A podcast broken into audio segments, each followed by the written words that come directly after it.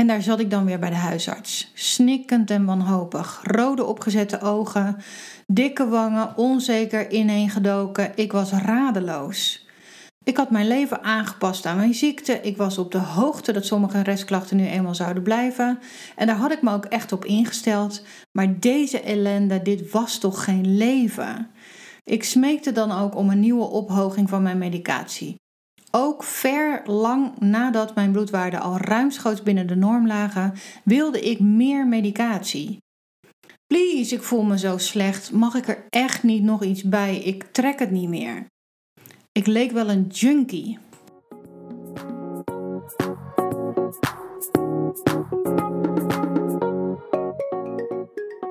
Welkom bij de Happy Hashimoto podcast.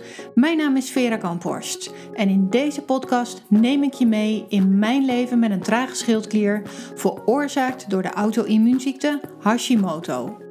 Ik informeer je over het hoe en waarom van deze aandoening, geef je een inkijkje in mijn eigen aanpak en mijn eigen struggles. Ik haal er af en toe een expert bij en ik geef je tips en tools om zelf mee aan de slag te gaan, zodat ook jij snel weer happy wordt met jouw Hashimoto.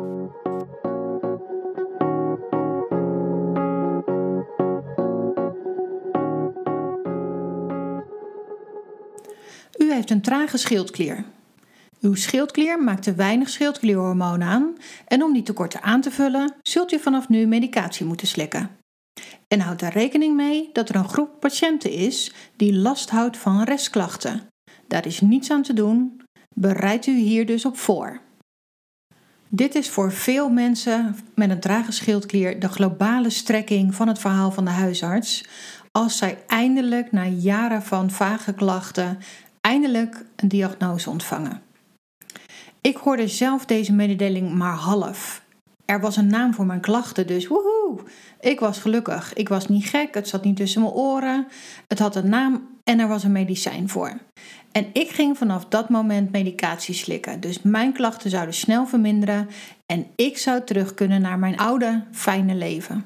Ik had er geen moment bij stilgestaan dat ik wel eens bij die kleine groep patiënten zou horen bij wie die restklachten zouden blijven maar helaas bleek ik daar wel bij te horen.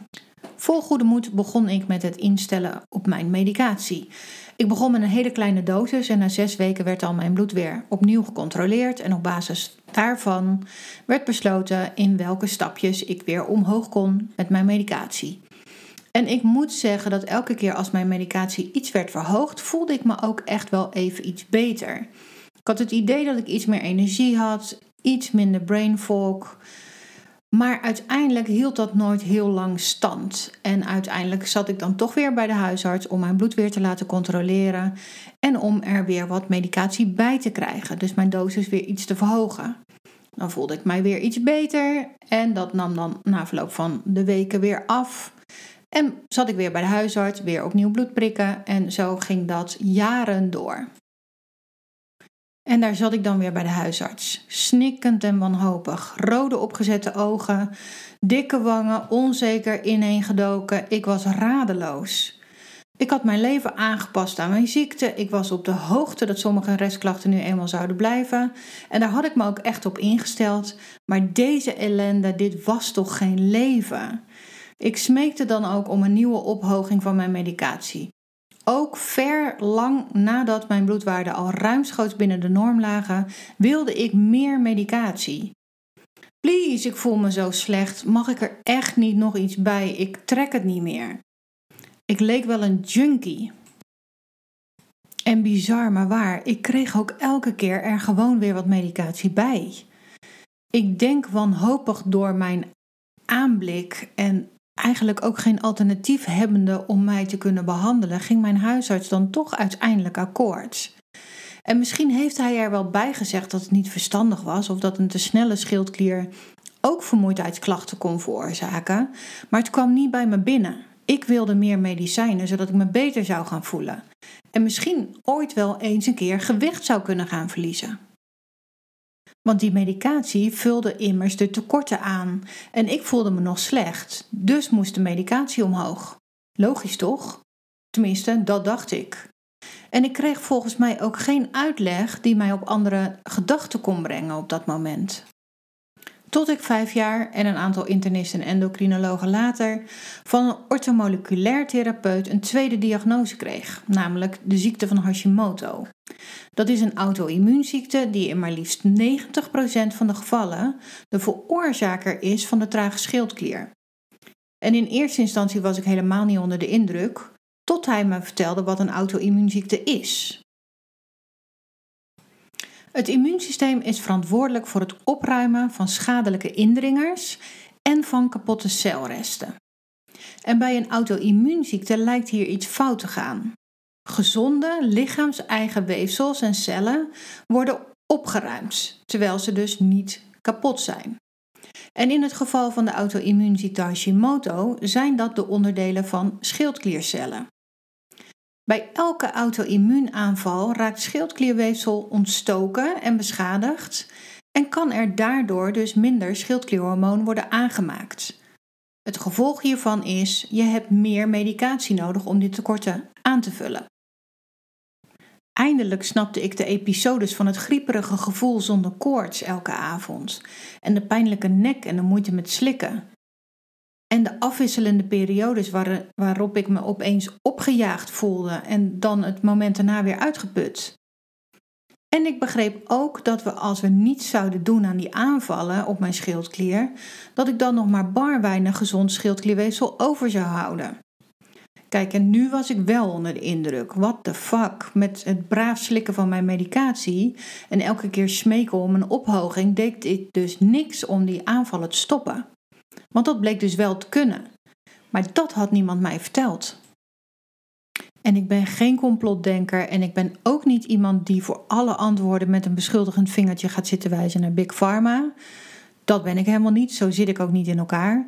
Maar ik baal er wel flink van dat de volledige diagnose ziekte van Hashimoto niet standaard bij de huisarts wordt uitgevoerd. En dat je ook geen uitleg krijgt over wat je nou eigenlijk hebt. En dat er dus meer te doen is dan alleen braaf medicatie slikken. Want natuurlijk heb je in de meeste gevallen medicatie nodig. Maar medicatie alleen stopt de aanval op de schildklier niet. Met als resultaat steeds meer medicatie nodig, nog steeds klachten en in mijn geval nog slechts 30% van mijn schildklierweefsel over. En daar had ik echt heel graag iets meer van willen behouden.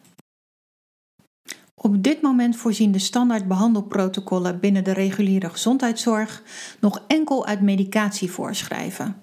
In mijn ogen noodzakelijk, maar het blijft symptoombestrijding en het doet niets aan de oorzaak. Dus is medicatie zinnig? Ja. Is het nuttig? Jazeker. Maar kan het slimmer? Ja, door ook je voeding en leefstijl mee te nemen in je aanpak. Bepaalde voeding kan je immuunsysteem namelijk activeren en zelfs een opleving van Hashimoto veroorzaken. En chronische stress of slaaptekorten zijn zeker ook niet bevorderlijk voor jouw schildkliergezondheid. Hier is super veel winst te behalen zonder dat daar medicatie voor nodig is. Alleen is dat bijna niet te standaardiseren, want ieder mens is anders. En wat bij de een voor een opleving van het immuunsysteem zorgt, is bij de ander geen enkel probleem. Gelukkig is er wel een trend gaande en dat is rondom leefstijlinterventies en leefstijlprogramma's.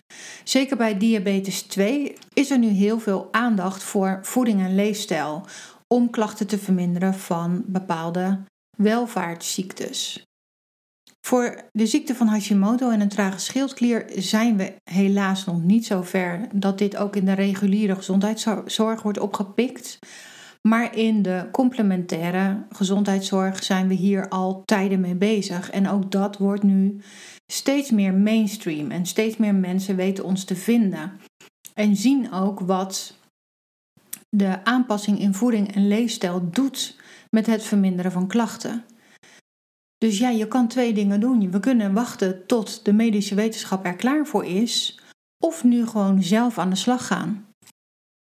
En dat is kloten, want de meeste mensen met een trage schildklier hebben helemaal geen energie om uit te zoeken wat ze dan kunnen doen op het gebied van voeding en leefstijl.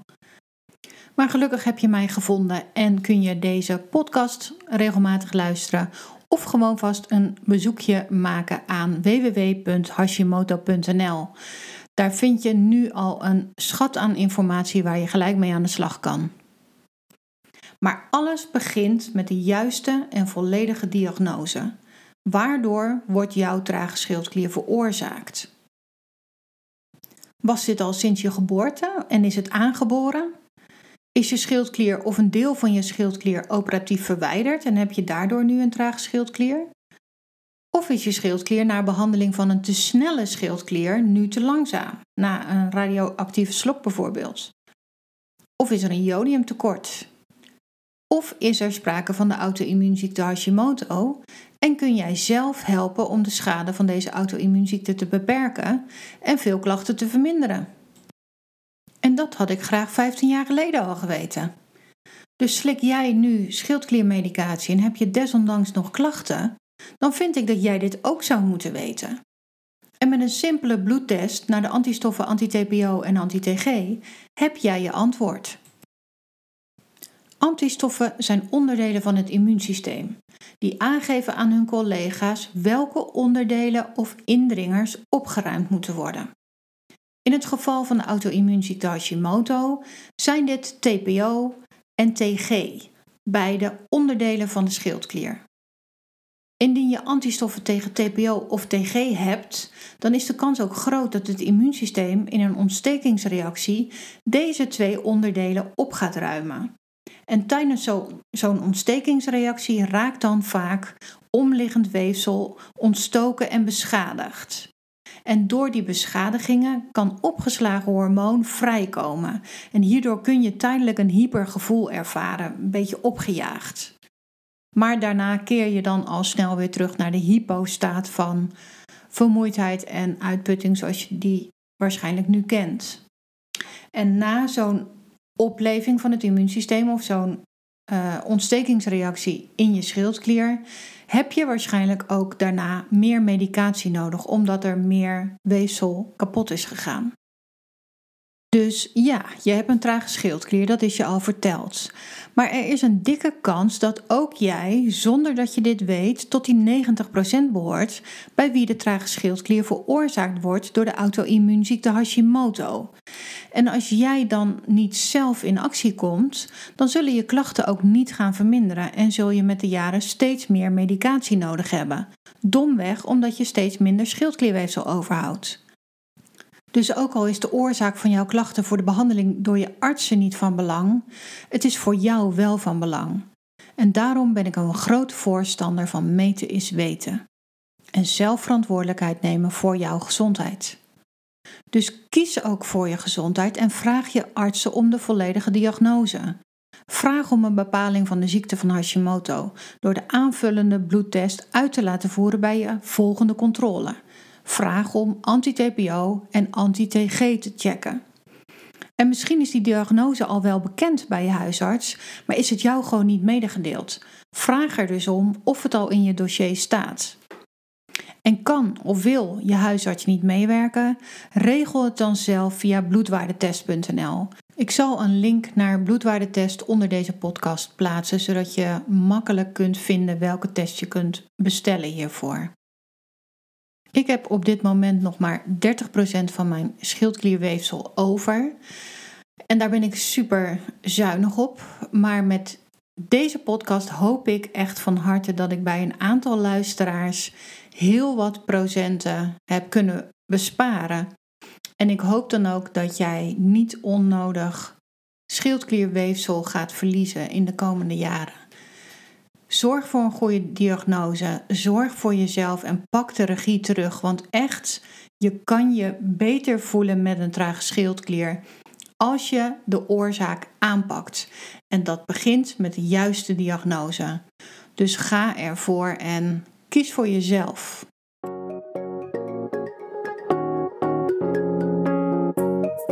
Dat was de podcast van vandaag. Super leuk dat je luisterde. Heb je iets gehoord wat je aan het denken heeft gezet of dat je inspireerde? Laat het me weten via een mailtje naar vera.hashimoto.nl of stuur een berichtje via mijn Facebook of Instagram account. Wil jij geen aflevering meer missen? Abonneer je dan op deze podcast door in je podcast app op de knop abonneren of subscribe te klikken. Je ontvangt dan een berichtje zodra ik een nieuwe aflevering publiceer. Kun jij niet wachten om met mij aan de slag te gaan en ook snel weer happy en energiek door het leven te gaan? Ga dan naar hashimoto.nl en bekijk de mogelijkheden. Er is altijd een e-course waar je direct mee kunt starten. Nogmaals, dank voor het luisteren en tot de volgende aflevering.